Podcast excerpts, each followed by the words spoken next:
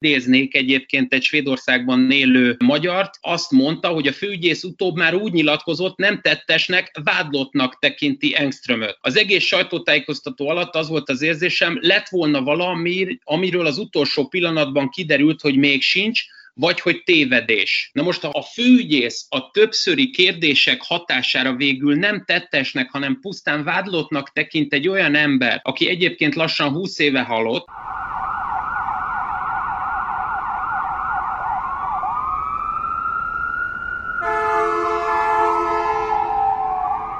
Sziasztok, ez a Tango és Kes, a 24.hu, illetve Bezsenyi Tamás és Böcskei Balázs bűnügyi podcastja. Köszöntünk benneteket! Sziasztok! Talán az utóbbi napokban az egyik kattintás képes hír volt, legalábbis ha abból indulok ki, hogy napokon keresztül a szemmagasságban volt az online portáloknál, amikor megnyitottuk az oldalt, vagy oda kattintottunk Olof Palme gyilkossának, vagy vélt, vagy valós gyilkossának a megtalálása. Nagyon távoli az egész esemény, mégis hirtelenében ilyen bizsergés fogott el, azt illetően, hogy nekem erről tudnom kell, már csak azért is, mert nagyon szembe jött a hír, és azt kell gondolnom, hogy valamilyen nagy politikai fordulat, vagy múltfeldolgozás, múlt újra másként gondolás határán állunk, amikor meg fogjuk majd tudni ezt az információt, és én is izgalommal vártam ezt a dolgot, már csak azért is, mert az egyik legkonteó gazdagabb gyilkosságról van szó, politikust azért ritkán szoktak moziból kilépve megölni. Ha jól emlékszem, de erről meg fogunk részletesen beszélni, Fűfa Virág belett ez az ügyel vádolva, lényegében mindenki, akinek Svédországgal volt katonai, akár gazdasági, politikai kapcsolat. Amikor megláttad a hírt, hogy Olof Palme gyilkosa, az egykori svéd miniszterelnök, baloldali miniszterelnök gyilkosa meg lesz, azért te is érezted, hogy másik napra ébredtél. Érdeklődéssel töltött el egyébként a hír, bár az is igaz, hogy ahogy lefelé scrolloztam és gördített a hírnek a valós és lényegi tartalmi vetületeit, akkor nagyon gyorsan kiábrándultam, és azt éreztem, hogy egyfajta válasz kellene, hogy legyen arra, hogy egyébként a jelenlegi svéd miniszterelnök Stefan Löwen nem is olyan régen úgy fogalmazott, az Olof Palme gyilkossága mai napig egy nyílt seb a svéd társadalom testén. Az alapján, amit olvastam először a, a Magyarországon külföldről átvett cikkekből, aztán az angol cikkekben átmentem, és Svédországban élő barátaimon keresztül az eredetiekbe is megpróbáltam betekintést nyerni rajtuk keresztül. Az az igazság, hogy arra jöttem rá nem túl nagy detektív logikával, amit ők is éreztek, hogy ez egy, hoztam is ajándékot, meg nem is, egy Mátyás király legenda, egy Mátyás király mese, ami valójában semmilyen konkrét többletadattal nem szolgál, mint ami eladdig is tudott volt, ugyanakkor az az embernek az érzése, hogy valamivel megpróbálták kiszúrni a társadalom szemét, végül is a svéd értelmiségen belül nem igazán jött át. Mondhatom ezt úgy, hogy a Svédországban élő magyar művész és egyéb értelmiségiek között vannak olyan barátaim, ismerőseim, akik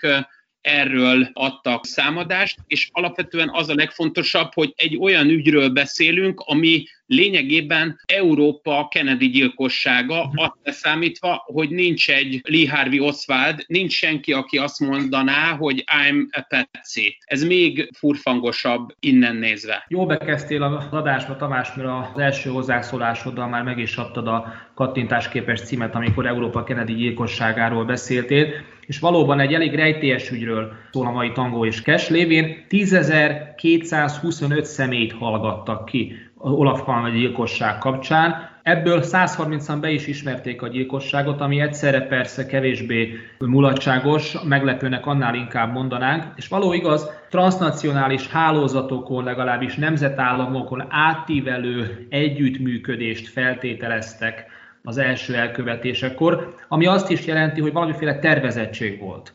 Tudni kell azonban, hogy ugye a 86. február 28-ai péntek este akkor a svéd miniszterelnök, az akkor 59 éves kormányfő feleségével nem előre tervezetten indultak el moziba, helyet sem foglaltak, sorban álltak a pénztárnál, végignézték a filmet, kijöttek, ahogy kiszokás onnan jönni mindenkinek, aki nem miniszterelnök, legalábbis mai biztonsági, védettségi helyzeteket tekintetbe véve, ha valaki tervezi a svéd miniszterelnök meggyilkolását, akkor maga az az egész esemény ennek ellentmond, hiszen mindennel lehetett számolni, csak azzal nem, hogy Olaf Palme és felesége megjelenik a, a moziban, tehát itt még a, ha rajta van a figyelés, akkor sem mondhatjuk azt, hogy egy tervszerűség volt, de mégis úgy indultak el a hatóságok, talán nem utolsó sorban azért, mert ilyen helyzetekben gyorsan kell eredményt produkálni, egy ország, egy nemzet, egy Európa várja azt, hogy mi történt és kitette. Itt az időnek nyilvánvalóan politikai üzenete is van valahol, legalábbis annak a lerövidítésén vagy gyilkos megtalálásában.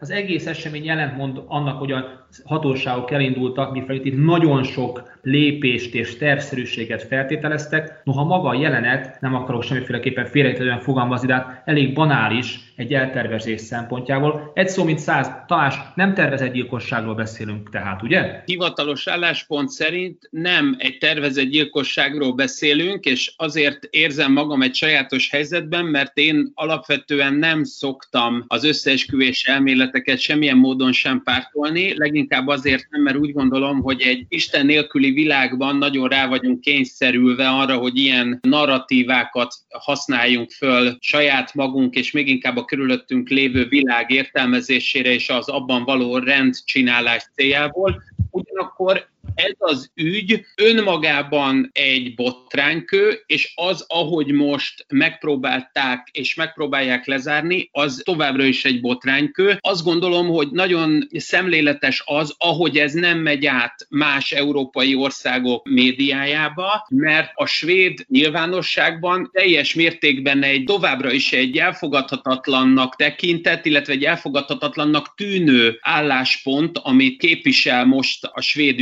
ügyészség, nevezetesen azért, mert semmilyen bizonyítékot nem tud és nem is kíván a, a jövőben felmutatni annak érdekében, hogy az egyébként Stig Enströmként ismert, de az ügyben elsősorban Scandia menként hivatkozott szemét most megnevezze gyilkosként. És akkor, amikor azt mondod, hogy ez nem egy tervezett emberülés, akkor én magam is hajlok nyilván arra, és emiatt nem vagyok általában összeesküvés párti, mert nem szoktak az összeesküvésekkel kontávokkal dolgozó emberek számolni azzal a nagyon egyszerű faktorral, amit a tangó és kesben talán már felhoztunk, ez a balfékség állandó, ami ugye nyilván azzal függ össze, hogy alapvetően, ha több szervezetnek és akár már csak több embernek kell együttműködnie, akkor valami mindig elcsúszik, valami mindig gellert kap, mindig valamilyen hiba bekövetkezik. Na most a probléma az az, hogy ez egy olyan ügy, ahol ez a probléma nem csak magában a gyilkosság lefolyásában, illetve még inkább annak nyomozásában következik be, nevezetesen az, hogy már a nyomozás megkezdésekor a helyszíni szemle során semmilyen értékelhető olyan nyomot nem tudnak rögzíteni, ami a későbbi nyomozást, a későbbi felderítést előrevinni, és akkor még nem beszéltem arról, hogy olyan módon zárják le a helyszínt, hogy napokkal később állampolgárok viszik be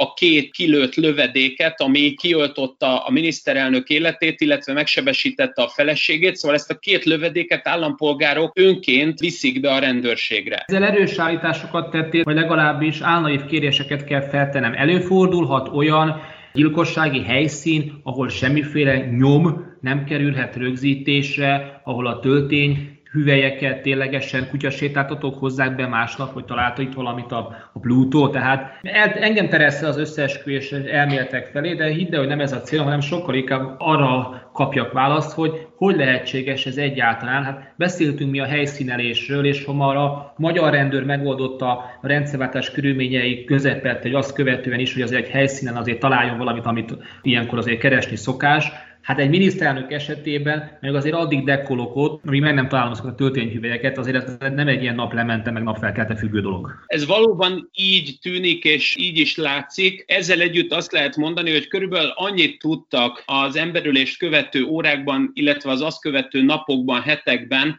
az elkövetőről, mint amennyit a fenyő gyilkosság után a feltételezett elkövetőről, amit egyébként már akkor több komikus a rádió kabaréban is kifigurázott, mondván, hogy hát vagy alacsony, vagy magas, vagy amatőr, vagy profi, vagy külföldi, vagy magyar, ugye vagy székely, vagy féligaz, vagy tán egészen. Tehát az ilyen típusú, kicsit Fábri Sándoros érvelésmód az ebben az esetben sem áll távol a valóságtól, nem beszélve arról, hogy itt egy olyan esetről van szó, ami éjszaka történik. Tehát ez február 28-án, február utolsó napján egészen konkrétan 11 óra 20 valahány perc körül történik az ölés. Egyébként Stockholm egyik legforgalmasabb utcáján, a Svea Végenen, ahol maga a mozi is, ugye ez a Grand nevű mozi is található, illetve ahol lefelé sétálnak az Olof Pálméjék, és egészen konkrétan a Svea Végen 42-es száma előtt a Tunnel Gattan nevű utca kereszteződésénél történik a halálos lövés, ott a mai napig egy botlókő van, és feltehetően ez az egyetlen, amit szinte biztosra tudunk mondani, az elkövető ezen a Tunnel Gattan, ami egy nagyon szűk utca, és az utca végén 89 lépcsőfokkal felfelé vezet, azaz, ahol eltűnhetett. Na most ez a február 28-a egyébként egy pénteki nap, tehát lényegében arról beszélünk, hogy Stockholm belvárosában pénteken éjfélkor úgy lövik le pontosabban úgy lövik hátba a miniszterelnököt, hogy arra vonatkozóan pontos információ, pontos személyleírás nem adódik, akik egyébként adott esetben most így később visszanézve a nyomozók és oknyomozó újságírók szerint esetleg releváns véleményeket, releváns adatokat tudnának közölni, azokat vagy nem veszik figyelembe, vagy már akkor is konstruálják, túl konteozzák magát az ügyet, bárhogy azt lehet mondani, hogy egy egyébként nyomgazdag közegben egy rendkívül nyomszegény olyan helyszínről van szó, amivel kapcsolatban onnan a helyszínről nem lehet elindulni semmilyen tárgy vonatkozásában. Tudom, mi jutott eszembe az, nem akarom a, a streaming sorozat szokásaimat megosztani a hallgatókkal, mert hát kit érdekel, de nagyon gyakran olyan típusúakba ütközök, amikor is ugye több éven keresztül, vagy évtizeden keresztül keresnek egy gyilkost. És amikor van egy, van egy elkövető, a, hiszen ne fejtsük el, hogy az elkövetőnk, ha az, akiről beszél valóban a Skandinávia biztosító társaság alkalmazottjáról, aki 2000-ben öngyilkos lett maga, tehát 18 évvel azután, hogy az esemény történt. Ha ilyen őróla beszélhetünk ebben az esetben, akkor mindig érdekelt a, azoknak az elkövetőknek a, a mindennapi rutinja, a, nem tudom, hogy a psziché kifejezéssel jó kifejezést használok-e, hogy Tudja, hogy keresik, tudja, hogy nagy jelentőségi úgy. Nem az lesz, hogy egy kabátlopás, ami majd egy, egy ponton túl már nem lesz annyira érdekes, és felhagynak a, a keresésre, vagy el sem indulnak. Itt egy jelentős, bizonyos értelemben a, magyar, a svéd szociáldemokrácia, vagy meg általában is a svéd politika szempontjából emblematikus figuráról van szó. Számolhat azzal, hogy nem fogja a hatóság feladni a dolgot, és az ő ügye sosem döglött ügyként vonul be a történelembe, mindig lesz, aki, aki ezt a munkát folytatja. És az ilyen típusú elkövetők, szemben múlnak az évek, tehát mondhatjuk azt, hogy lazulnak az idegrendszeri pályák, hogy elkaphatnak, de mégiscsak kialakul valami egészen más élethez való rutin, vagy, vagy a bizonytalansághoz egy olyan fajta fokozása, ami azt gondolom, hogy a, én, aki hála Istennek nem tartozok ezekbe az elkövetői csoportokba se, biztos, hogy úgy kipattintaná az embert az életből. Mit gondolsz akik bujkálnak éveken és évtizedeken át. Képesek úgymond normális életet élni, hiszen a sorozatokban általában ugyanúgy bejárnak dolgozni, meghúzzák a csavart az autón, hogyha éppenséggel az a munkakörük, elvégzik a könyvelői munkát, de azt gondolom, hogy egy állandó szorongással élnek, és a saját fejemben ezt az állandó szorongással való kisebb szorongásokat sem bírok el, nem hogy nagyobb jelentőségeket, de mégis ezek az emberek benne tudnak maradni az életben. Hát nem csak, hogy benne tudnak maradni, hanem ahogy te magad is ennél több személyes jellegű információt szerintem még több tango és kesben nem osztottál meg, amin én magam is meg vagyok lepődve, és hát erre példa az, hogy egyébként Stig Engströmnek nem is kellett megosztania semmit, illetve amit meg kellett osztania a későbbiekben, az sem volt olyan kényszerű helyzet. Valóban, ahogy említette, 14 évvel a gyilkosságot követően öngyilkos lesz, és egyébként pedig a férfit soha hivatalosan vád alá nem helyezték az ügyben. Az első ember, akit emiatt elfognak úgy, hogy egyébként aztán első fokon el is ítélik, és már másodfokon mentik föl,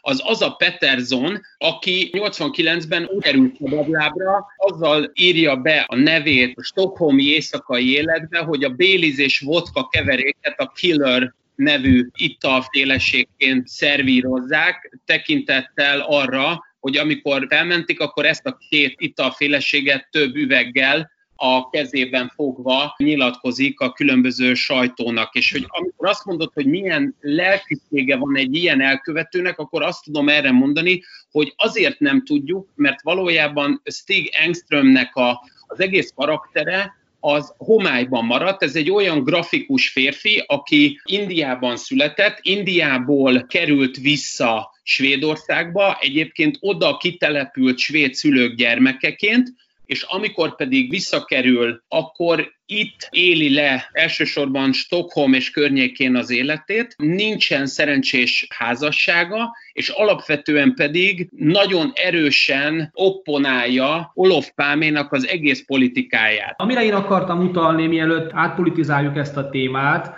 az az, hogy tudom, hogy nem akarsz átmenni pszichológusba, és talán ezzel azért a hallgatókat meg is tudjuk kímélni, meg kedvet csinálunk a további adásokhoz.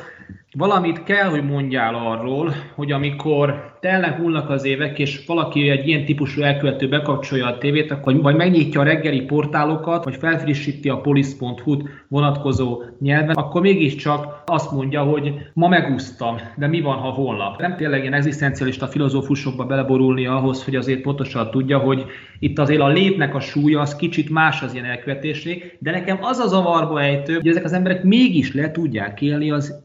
életüket folyamatosan úgy, hogy üldözöttek, vagy üldözöttnek gondolják magukat. Csak hogy ők nem üldözöttek, legalábbis Stig Engström karaktere egyáltalán nem. Ebben az esetben nem, de most azokról is akartam, vagy akarok beszélni, akik viszont tudjuk, hogy elkövetők, és, és számítanak arra, hogy megtalálják őket, mert nem tökéletes elkövetők, vagy vagy önmagával az emberi szív mégiscsak olyan, hogy nagy gyilkosságokat az ember törvényszerűen nem tud megúszni, és ők újra és újra ellentmondanak ennek a törvénynek, ami azt mondja, hogy egyszer ránehezedik ennek a súlya. Veszélyes terep, mert ugye itt szociopátiás jegyeket és egyáltalán a pszichopátiás jegyeket megmutató elkövető vagy személyiségnek a működés módja. Látom, hogy neked se könnyű. Nem csak azért nem könnyű, a bűnügyi újságírás azt gondolom, hogy bele tud szaladni elég gyakran abba, hogy reméli, hogy mélységét tekintve bele tud látni egy elkövető fejébe. Én azt gondolom, hogy ez nagyon kevéssé igaz,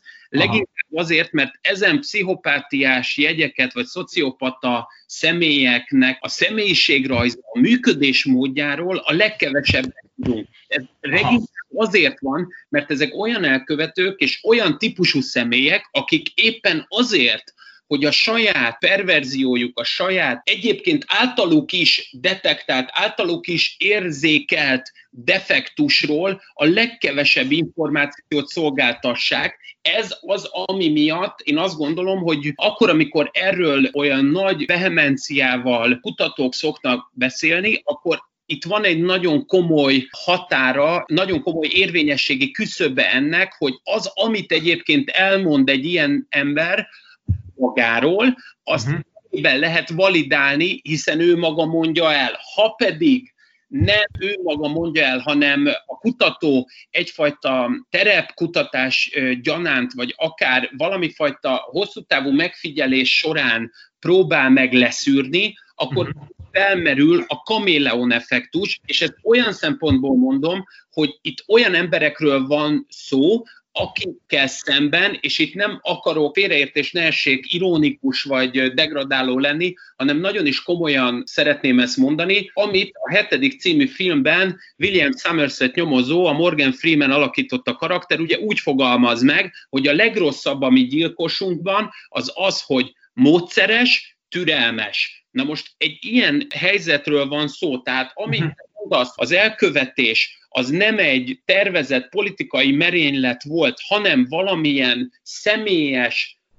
fájdalom vagy személyes félelem, frusztrációból fakadó ölés, akkor ugye felmerül az a kérdés, hogy ez a Stig Engström, aki egyébként valóban a végen 45 szám alatt működő mozival nagyjából egy magasságban a 44-es szám alatt lévő Skandia biztosítónál dolgozott. Egyáltalán mi a kukacot keresett 11 óra környékén a munkahelyén péntek este, de még ha keresett is valamit, mert hogy amúgy 8 óra környékén ment oda-vissza a munkahelyére, miért volt nála egyébként egy 357-es Magnum? Hiszen legnagyobb probléma az az, hogy itt egy olyan revolverből, egy olyan forgótáras pisztolyból kerül leadásra a két halálos lövés a Olof Pálme felé, illetve a feleségét súroló, főleg a vállát súroló lövés, ami egy olyan Smith Wesson márkájú Magnum 357-esből kerül kilövésre, ami ugye, mint forgótáras fegyver, magában tartja a hüvelyt, a szekrénytáras verziókkal szemben nem automatikusan adja ki, így hát az a hüvelyt valamikor az elkövető nyilván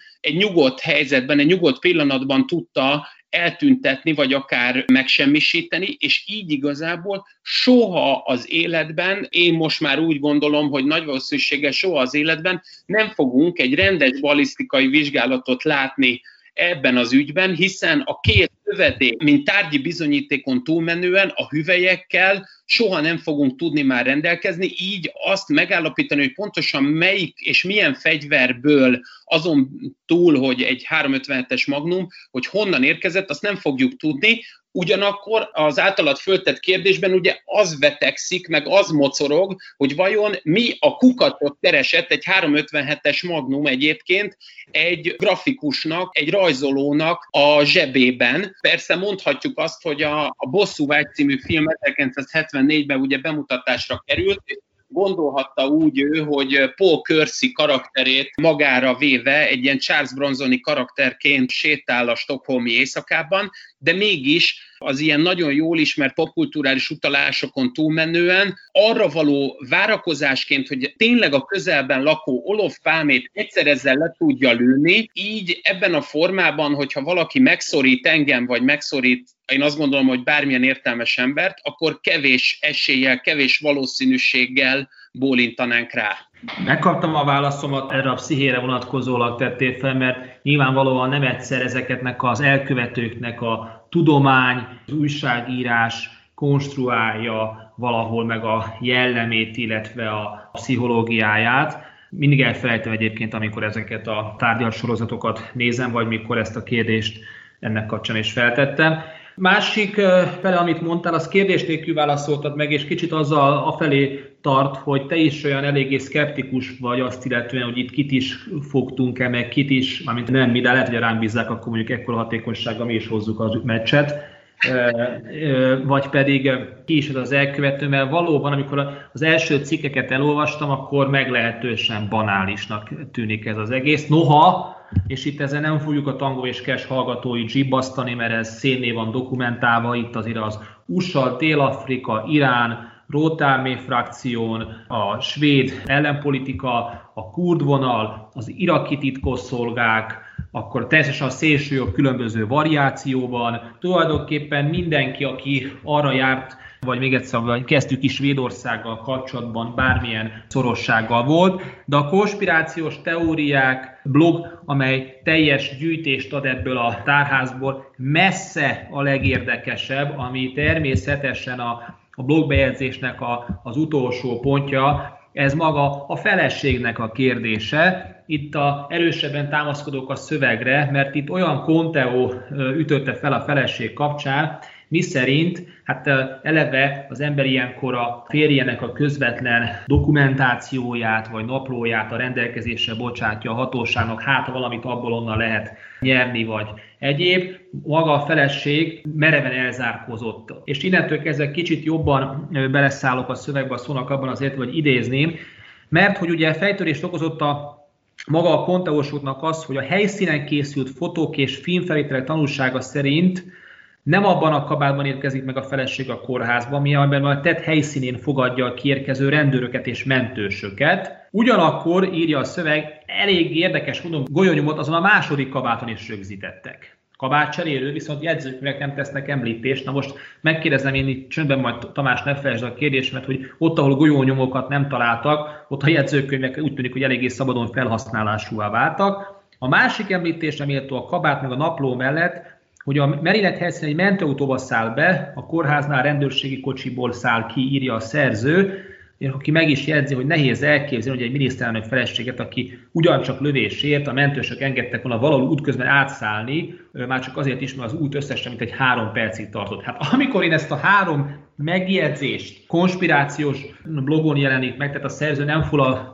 állást, de akkor, hát megmondom őszintén, az iráni, meg tényleg fegyver, meg robbanóanyag kereskedelem cégek megbízásából, és akkor a, hogyan folyt akkor a lóvé a CIA-n át e, iráni fegyverüzletbe, stb. Ehhez képest a feleséggel kapcsolatos kontakokhoz képest azok tulajdonképpen unalmasak voltak. Főként annak tükrében gondolom én, hogy te is, meg páron, akik egyébként olvasnak ilyen szövegeket, azok találkoznak ezekkel a klasszikus KGB és CIA és, és egyéb más titkosszolgálati verziókkal, Egyébként emlékezzünk meg magáról a blogról, amit említettél, ez a Tiborunak a blogja. Ugye itt a Kovács Tibor egykori rendőrtiszt, akinek ilyen nemzetbiztonsági tudása, illetve szakmai tapasztalata is van. Ugye ez az általa készített, illetve az általa vezetett blog, amiből könyvek is készültek. Azért tartom fontosnak, amit a Tiború írt. Egyrészt bevezeti például azzal, hogy a tizedik általa minden évben rendezett úgynevezett Vox Populi, vagy egyfajta népszavazás, hogy milyen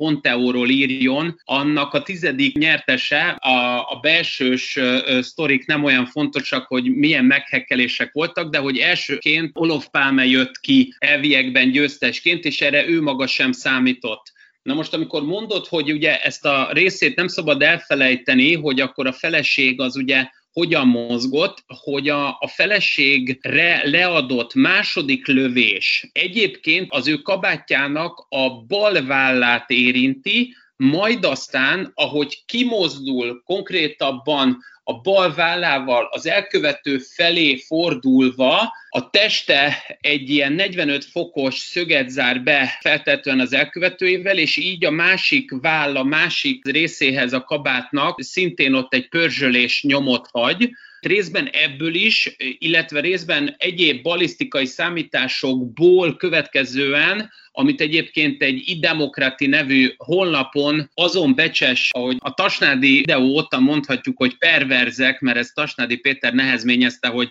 én perverzeknek nevezem ezen embereket, noha magamat is tartozónak vélem, szóval, hogy egy idemokrati nevű oldalon szerepel egy olyan bemutatás és egy olyan számítás, hogy valamit kellett, hogy fogjon Lisbeth Palme, akkor, amikor a lövés őt éri. Eleve azt kell tudnunk, hogy az első lövés az egyébként a gerinc tájékon éri a miniszterelnököt a gerincről, ott az egyik csigolyáról Gellert kap, és végül szétszakítja a melkast, így halad ki a lövedék. A második lövés az pedig nem tűnik célzottnak, ebből felmerült az is, hogy az inkább ijesztés szolgált, vagy felmerült az is, ami ugye az amatőr verziót erősíti, hogy a, a fegyver visszarúgásával nem tudott mit kezdeni az elkövető, és szinte ahogy bírt, vagy ahogy félelmében, pánikjában bírt, azonnal tüzelt újfent, bárhogy is van, az a, ennek az idemokrati oldalnak a, a készítője szerint a potenciális és a plauzibilis verzió, hogy ha nem fogott volna valamit a kezébe, akkor térre kellett volna rogyni, vagy akár a, a karjaival le a földre, ez nem történt meg. És akkor, amikor egyéb a hölgy, tehát Lisbeth Palme túléli ezt a lövést, és hátrafordul, akkor, mint későbbiekben kiderül, nem a gyilkost, hanem egy nagyon hasonló szemét, aki mint oda siető tanú, őt azonosítja egyébként először gyilkosként, és amúgy pedig a személynek titkosságát és dubiózusságát ugye azt szolgáltatja, hogy nem adja ki a férje naplóit. Erről egyébként azt gondolom, hogy ennek nagyon komoly politikai indokai vannak. Ugye 82-be kerül a hatalomra a szociáldemokrata párt, és így Olof Palme, Lisbeth Palme pedig lényegében egy olyan karakter, aki, minthogyha Harry Potter filmekben az Umbridge főinspektor asszonynak a, a karakterét venné magára, egy ilyen nagyon mosolygós gyermekpszichológus asszony, aki egyébként az UNESCO csermenje is, és nem tudják róla elképzelni, hogy bármilyen módon elkövető lenne. Én nem, és ez most csak a, a saját hipotézisem, nem gondolom azt, hogy ő az elkövetésben tevékenyen részt vállalt volna. Ez az asszony több mint 30 év évet leélt a a férjével, és alapvetően pedig az, amit mondasz, tehát ugye a kórházig történő autóváltás, illetve kabátváltás, annak van egy jó hiszemű verziója, nevezetesen az, hogy már azonnal megpróbálnak bizonyítékot és lehetőség szerint a lőirányokra vonatkozóan tárgyi bizonyítási eszköz szerezni a kabátból, és az, hogy egyébként rendőrautóval kerül be végül a kórházba, az magyarázhatja esetleg azt, hogy megpróbálnak tőle valami fajta tanúvallomást kicsikarni, ugyanakkor mindezeket a jóhiszemű magyarázatokat negligálja az, hogy 1986-ban vagyunk, amikor még mobiltelefonnal nem rendelkezünk, és egyébként egy ilyen korban rendőrtiszt, aki még ha ilyen nagy volumenű ügyhöz is érkezik ki, akkor nem az az első gondolat, hogy megállítson egy mentőautót, hanem megvárja azt, hogy hova fog az a mentőautó majd önmagától leparkolni, és ott fogja kivenni azt a számára értékes szemét. Tehát lényegében a Sean Robert Duval Színek című filmjében az idősebb rendőrtiszt karakterét választja, aki ugye nem bemegy a kocsmai verekedésbe, hanem megvárja, még összeverik egymást, és utána lép be a porondra. Én azt gondolom, mhm. hogy a, a feleség egész helyzetbehozása és értelmezése azért visz minket félre, mert az könnyen elképzelhető, hogy volt valami a kezében. Erről azt gondolom, hogy ez egy olyan szenzitív dolog volt, amit a feleség a későbbiekben is szeretett volna diszkréten kezelni, mhm és ö, alapvetően pedig Olof Pálme már ebben az időszakban is folyamatosan a Reichspolisennek, aminek ugye feladata volt, mint állambiztonsági osztálynak kormányfő védelme, a haját tépte, mert Olof Pálme folyamatosan elküldte őket, amikor ő úgy gondolta, hogy magánéletet él. Na most egyet viszont még magyarázzál meg nekem, mert talán ez a, a feleség esetében jutott eszembe, hogy igaz-e az, mert egy korábbi adásban már tettél erre utalást, hogy amikor egy elkövetőt látunk,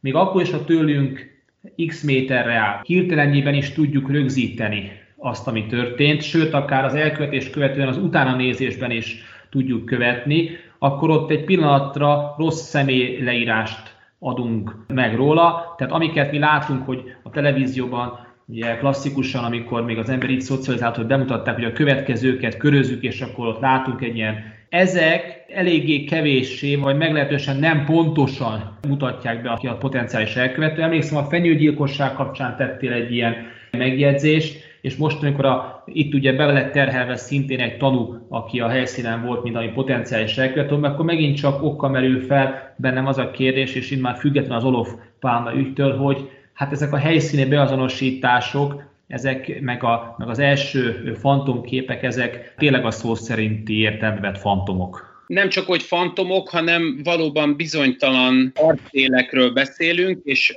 valójában feleségnek, Lisbeth Pálménak a vallomása az az évek előre haladásával egyre tompul, egyre bizonytalanabb. Ezért van az egyébként, hogy az először eljárás alá vont Peterzont, aki egyébként egy kis stílű drogkereskedő, és erőszakos bűncselekmények miatt korábban is már eljárás alá volt vonva, másodfokon felmentik, mivel az be tudja bizonyítani a védő ügyvédje, hogy Lisbeth Pálméra hagyatkozik a vád. Én ezen asszonynak tanúvallomása egyre bizonytalanabb az évek előre haladásával, ugye nem szabad elfelejteni, hogy 89-ben mentik föl, és 86 évelején történik emberölés. Lehet, hogy aki most bennünket hallgat, az könnyen juthat arra a következtetésre, hogy bármennyire is fiatal, idős, de még az ő életében lehet, hogy még egyszer megtalálják Olof Palme gyilkosát. Mit gondolsz? A svéd igazságszolgáltatás lezárta a maga részéről ezt a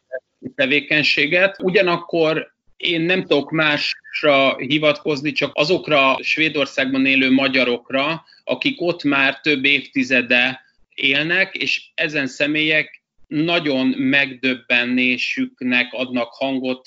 amikor arról van szó, hogy mindenfajta további és új bizonyíték nélkül úgy nevezik meg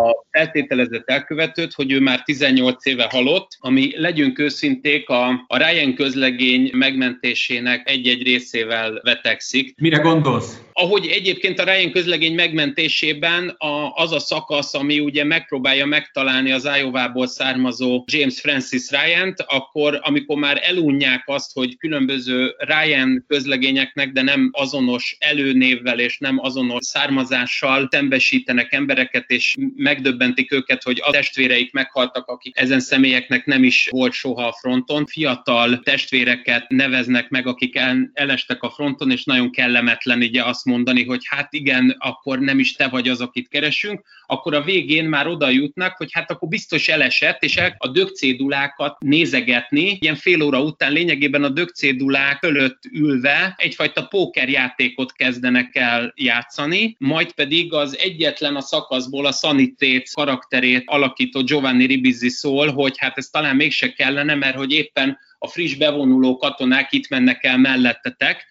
és ez csak annak örvén és annak tükrében mondom, hogy persze meg lehet nevezni egy lassan 20 év halott férfit elkövetőnek, ugyanakkor, amikor a feleségét 2017-ben kihallgatták, akkor a feleség a mai napig ugye nehezményezi, hogy se akkor, se azóta nem mondtak neki semmit a férje gyanúsításával kapcsolatban, és egyébként az Stig Engströmnek az elkövetőként való azonosítása, vagy egyáltalán felvétele, bemutatása az egyébként egy 2016-os könyvnek köszönhető, mindazonáltal maga a, az ügyész, tehát a jelenleg eljáró ügyész és itt most kifejezetten idéznék egyébként egy Svédországban élő magyart, azt mondta, hogy a főügyész utóbb már úgy nyilatkozott, nem tettesnek, vádlottnak tekinti Engströmöt. Az egész sajtótájékoztató alatt az volt az érzésem, lett volna valami, amiről az utolsó pillanatban kiderült, hogy még sincs, vagy hogy tévedés. Na most a főügyész a többszöri kérdések hatására végül nem tettesnek, hanem pusztán vádlottnak tekint egy olyan ember, aki egyébként lassan 20 éve halott, akkor hát hogyha nem lennék ennyire problémás, akkor azt mondanám, hogy valami bűzlik Dániában, de ez még annál is feljebb. Herskó János legyen a talpán, aki ebből ki tud valamilyen filmszatírát hozni, szóval azért legyünk őszinték, ez egy olyan emberülés, egy olyan politikai merénylet, amiről a mai napig nem tudjuk azt mondani, hogy politikai merénylet, nem ismerjük a motivációt. A műsornak a közepén megdicsértél, hogy képes voltam popszichoanalízisbe eh, folyni saját magamat illetően. Most azért egy kicsit meg kell, hogy koroljalak, hogy lököd az embert a kanapé felé, mert hogy ez az utolsó záró gondolataid azért mégiscsak azt a pontot tették ki a, a mondat a végére, ami egy egyszavas mondat, miszerint bizonytalanság. És nagyon nagy kattintás számot produkált gyilkos megtalálása, a gyilkosságnak a megoldása, de azért szerintem jó páran vannak, akik ugyanazzal a bizonytalansággal x ki a hírt, mint amiről szerintem ez az egész műsornak egy kicsit a hangulata volt. Talán van egy szolgálati közleményünk. Mondjam, vagy mondod? Mondjad, kérlek. Aki viszont tényleg tudni akar, hogy az Olof Palme gyilkosság az kinek a nevéhez fűződik, meg egyéb más soha nem látott, vagy meg nem oldott, vagy mások által direkt módon elfelejtett ügynek akarja tudni a kulcsát, annak ajánljuk a Patreon előfizetésünket. Mindenki tudja, hogy a szponzorációban nem vagyunk különösebben jók, mert a gyakorlatok meg a profik ezt már a műsornak az első részén is elmondják, hiszen ebbe a végén már nem nagyon van rajtunk kívül senki az adásba. Ellenben számítunk a, a, a hallgatókra, már csak azért is, mert számos dokumentum van, információ van, és olyan ügy, vagy ténylegesen itt irat, amelyet befúj a szél, amelyet téma iránt érdeklődők is dokumentum mappájukba tudják, vagy éppenséggel egyéb más olyan egyes adásokhoz kapcsolódó csomagokat raktunk össze az utóbbi hónapokban, amelyeknek adott esetben a Tango és Cash támogatása egyrészt az anyaggyűjtést, másrészt az információgyűjtést, harmadrészt pedig a hallgatóknak a minél színvonalasabb ellátását tudják szolgálni, úgyhogy ezt a Facebook oldalunkon meg is tehetitek, az elérhető csomagok ott vannak, nyilvánvalóan örülünk minden támogatásnak, de leginkább annak a legmagasabbnak. Jövő héten tabu döntögetésre indítottunk. Az NDK-ban már olyan megoldásokra vetemedett az állam, hogy miután a Stázinak több tagja volt, mint annyian az NDK-ban laknak, ráfordultak a fontosabb kérdésekre, így például nők által elkövetett bűncselekményeket kezelték meglehetősen karakteresen. Vendégünk is érkezik, úgyhogy Tamás mellett további szakértője lesz mind az NDK, mind pedig a magyar szocializmusban nők által elkövetett bűncselekményekről. Van-e azoknak sajátossága? Tamás, találkozunk akkor veled is, és a hallgatókkal is. Sziasztok! Sziasztok!